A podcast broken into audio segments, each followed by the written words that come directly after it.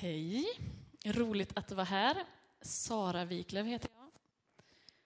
Och jag är 28 år gammal, bor i Lindesberg som ligger fyra mil norr om Örebro och där jobbar jag som ungdomspastor. Eh, och som sagt, vi kommer få fråga mig mer frågor sen. Och om de frågorna inte räcker så har vi ju där nere på sen. I fredags när jag var med ungdomarna här så sa jag ni får fråga mig vad som helst så lovar jag att svara ärligt. Så det får väl gälla er också. Jag ska försöka svara på alla era frågor. När Samuel sa att jag skulle predika här idag så sa han predika om någonting som är du, som ligger dig nära. Så idag kommer jag predika om Guds kärlek. Det är någonting jag har predikat massa gånger om förut och förhoppningsvis kommer predika om massa gånger till. Eh, och lite senare kommer alla bibelord komma upp på skärmen, men först så vill jag visa ett videoklipp. Eh, och det här videoklippet är på engelska. Så för de som känner att det är lite svårt med engelska eller för någon som bara vill ja, men hänga med på svenska också, så finns det nere på mixerbordet översatt till svenska. Eh, och om man tar det med den stora, lite större texten så ska man ta två papper.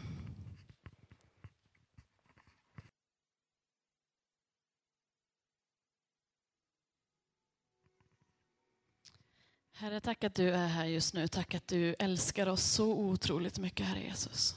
Herre, tack att, att du vill den här dagen möta oss var och en på det sättet att vi behöver bli mötta, Herre Jesus. Herre, tack att du ska ta hand om mig nu när jag ska tala dina ord, Herre Jesus. Låt dem som är här få höra vad du vill säga, inte det jag vill säga, Herre Jesus. Herre, tack för att du är fantastisk. Tack för att du dog på korset för våran skull, Herre Jesus. Tack för det, Herre. Amen.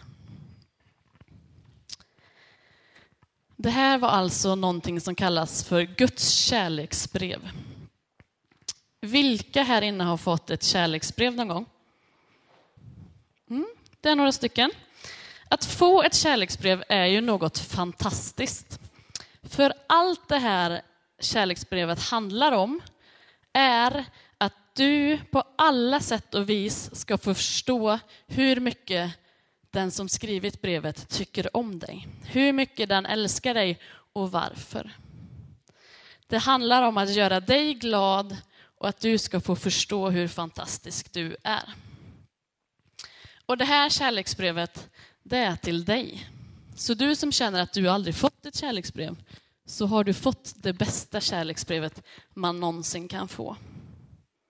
Det är till dig. Det bästa kärleksbrevet. Det finns en sång som går, du vet väl om att du är värdefull. Att du är viktig här och nu. Att du är älskad för din egen skull, för ingen annan är som du. Det är så viktigt att vi vet att Gud ser oss som värdefulla. Att vi är älskade av honom för dem vi är, för dem han har skapat oss till. Och han har så oändligt mycket kärlek att ge till var och en av oss. Johannes 3 och 16 till 17. Ty så älskade Gud världen att han utgav sin enfödde son för att den som tror på honom inte ska gå förlorad utan ha evigt liv. Inte sände Gud sin son till världen för att döma världen utan för att världen skulle bli frälst genom honom. Jesus kom inte till världen för att döma oss, även om många utanför kyrkan tror det. Utan Gud kom till jorden för att han älskar oss, för att han ska kunna leva med oss för evigt. Han skickade sin enda son in i det värsta du kan tänka dig, för att vi ska kunna få vara med honom för alltid. Första Johannesbrevet 4 och 16. Och vi har lärt känna den kärlek som Gud har till oss och tror på den. Gud är kärlek och den som förblir i kärleken förblir i Gud och Gud förblir i honom. Gud inte bara har kärlek till oss, utan han är kärlek. Det finns ingen större kärlek än den Gud är och har till oss. Och det finns ingen bättre kärlek, utan det är den ultimata och fullkomliga kärleken och den vill han ge till var och en av oss varje dag. Psalm 139, 1-5. Herre, du utransakar mig och känner mig. Om jag sitter eller står så vet du det. Du förstår mina tankar fjärran ifrån. Om jag går eller ligger utforskar du det. Med alla mina vägar är du förtrogen. Innan ett ord är på min tunga vet du, Herre, allt om det. Du omsluter mig på alla sidor och håller mig i din hand. Gud vet allt om oss, även det vi inte vill att han ska veta. Och ändå så väljer han att omsluta oss och vara oss nära för att han älskar oss. Trots våra fel och brister så stöter inte han bort oss utan istället så väljer han att älska oss. Och Gud han älskar alla, även de som inte älskar honom. Romarbrevet 8, 38-39. Ty jag är viss om att varken död eller liv, varken änglar eller förstar, varken något som nu är eller något som skall komma, varken makter, höjd eller djup eller något annat skapat ska kunna skilja oss från Guds kärlek i Kristus Jesus, vår Herre. Det finns verkligen ingenting som kan få Gud att sluta älska oss. Det finns inte någon som kan göra något. Det kan, finns inget, inget som kan hända för att Gud ska sluta älska oss. Utan han kommer gränslöst alltid älska oss med våra fel och brister. Vare sig vi älskar honom tillbaks eller inte. Vi är älskade för dem han har skapat oss till, inte för vad vi gör. Ibland kan man tänka att man bara kan vara älskad om man gör allt perfekt. Men det är inte sant. Vi gör alla både bra och dåliga sidor, även om vissa är, är bra på att dölja sina dåliga sidor. Och Gud, han vill att vi ska acceptera oss själva för han älskar oss som vi är, med våra fel och brister. Vi ska läsa Lukas 15, 11-24. Vidare sade han, en man hade två söner. Den yngre sade till sin far, far, ge mig min del av egendomen. Då delade han sin egendom mellan dem. Kort därefter packade den yngre sonen ihop allt sitt och for långt bort till ett främmande land. Där förde han ett utsvävande liv och slösade bort det han ägde. Men när han hade gjort slut på allt kom en svår hungersnöd över landet och han började lida nöd. Då gick han bort och slöt sig till en av inbyggarna där som skickade ut honom på sina ägor för att vakta svin. Han skulle gärna ha velat äta sig mätt på de fröskidor som svinen åt, men ingen gav honom något. Då kom han till besinning och sade, hur många daglönare hos min far har inte mat i överflöd och här håller jag på att dö av svält. Jag vill stå upp och gå till min far och säga till honom, far, jag har syndat mot himlen och inför dig. Jag är inte längre värd att kallas din son. Låt mig få bli som en av dina daglönare. Och han stod upp och gick till sin far. Medan han ännu var långt borta fick hans far se honom och förbarmade sig över honom. Fadern skyndade emot honom, föll honom om halsen och kysste honom. Sonen sade till honom, far, jag har syndat mot himlen och inför dig. Jag är inte längre värd att kallas din son. Men fadern sade till sin tjänare, till sina tjänare, skynda er och ta fram den bästa dräkten och klä honom i den och sätt en ring på hans hand och skor på hans fötter och hämta den gödda kalven och slakta den och låt oss äta och vara glada. Ty min son var död men har fått liv igen. Han var förlorad men är återfunnen. Och festen började. Jag älskar den här liknelsen. Sonen, han hade lika gärna kunnat sagt till sin pappa att ah, jag önskar att du var död. För det är ungefär det han gör. Han orkar inte vänta på att pappan ska bli så gammal och dö så han får arvet, utan han vill ha det nu. Förstå vad ont det måste göra i pappans hjärta.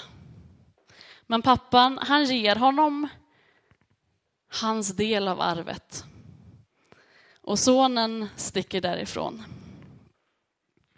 Och när sonen inser att, att han kanske inte gjorde det som var bäst, så tänker han att ja, men jag kan i alla fall jobba för min far. För han, han behandlar ju i alla fall sina arbetare bättre än vad jag blir behandlad här. Och man kan ju tänka att, att fadern borde vara så sårad att han skulle ha lite svårt när sonen kom tillbaks. Men inte bara får han komma tillbaks, utan fadern står och väntar på honom och ser honom komma långt där borta. Och när han kommer så släpper han allt och springer mot honom. Och på den tiden så sprang inte en man, för det var inte fint. Men fadern han släpper allt för att springa till sin son och omfamna honom och visa hur mycket han älskar honom. Och precis så är det med Gud. Gud kommer inte hålla dig emot dig som du har gjort. Utan han står där med öppna armar och väntar på att du ska komma tillbaks. Han vill visa att han älskar dig för den du är, inte för vad du gör. Och han kommer göra en fest för dig i himlen, precis som fadern här gjorde den största festen för sonen när han kom hem. Och Gud, han har gett oss ett fritt val att älska honom. Han tvingar inte oss att älska honom tillbaka, utan vi får välja själva. Vi har ett val att gensvara på hans kärlek. Vi behöver inte skriva ett kärleksbrev tillbaks, men han önskar att vi skulle älska honom tillbaka. Andra Korinthierbrevet 1, 3-4. Välsignad är vår Herre Jesu Kristi Gud och Fader, barmhärtighetens fader och all trösts Gud. Han som tröstar oss i all vår nöd så att vi kan trösta dem som är i nöd med den tröst vi själva får av Gud. Gud kommer alltid resa oss upp när vi faller. Vi får alltid vila i hans famn. Vi är starka i Gud och vi får styrka att gå igenom svårigheter men även styrka att hjälpa andra runt omkring oss när de går igenom svårigheter. Gud vill att vi ska ta den kärlek vi får av honom och ge vidare till varandra. Häromdagen så hade jag migrän. Och just då så kände man sig kanske inte jätteälskad, utan då mår man ganska dåligt. Då fick jag ett sms av en kompis där hon skrev att hon tyckte om mig. Då blev jag jätteglad. Inte bara för att min vän tycker om mig, utan för att Gud visste att just då så behövde jag få lite kärlek.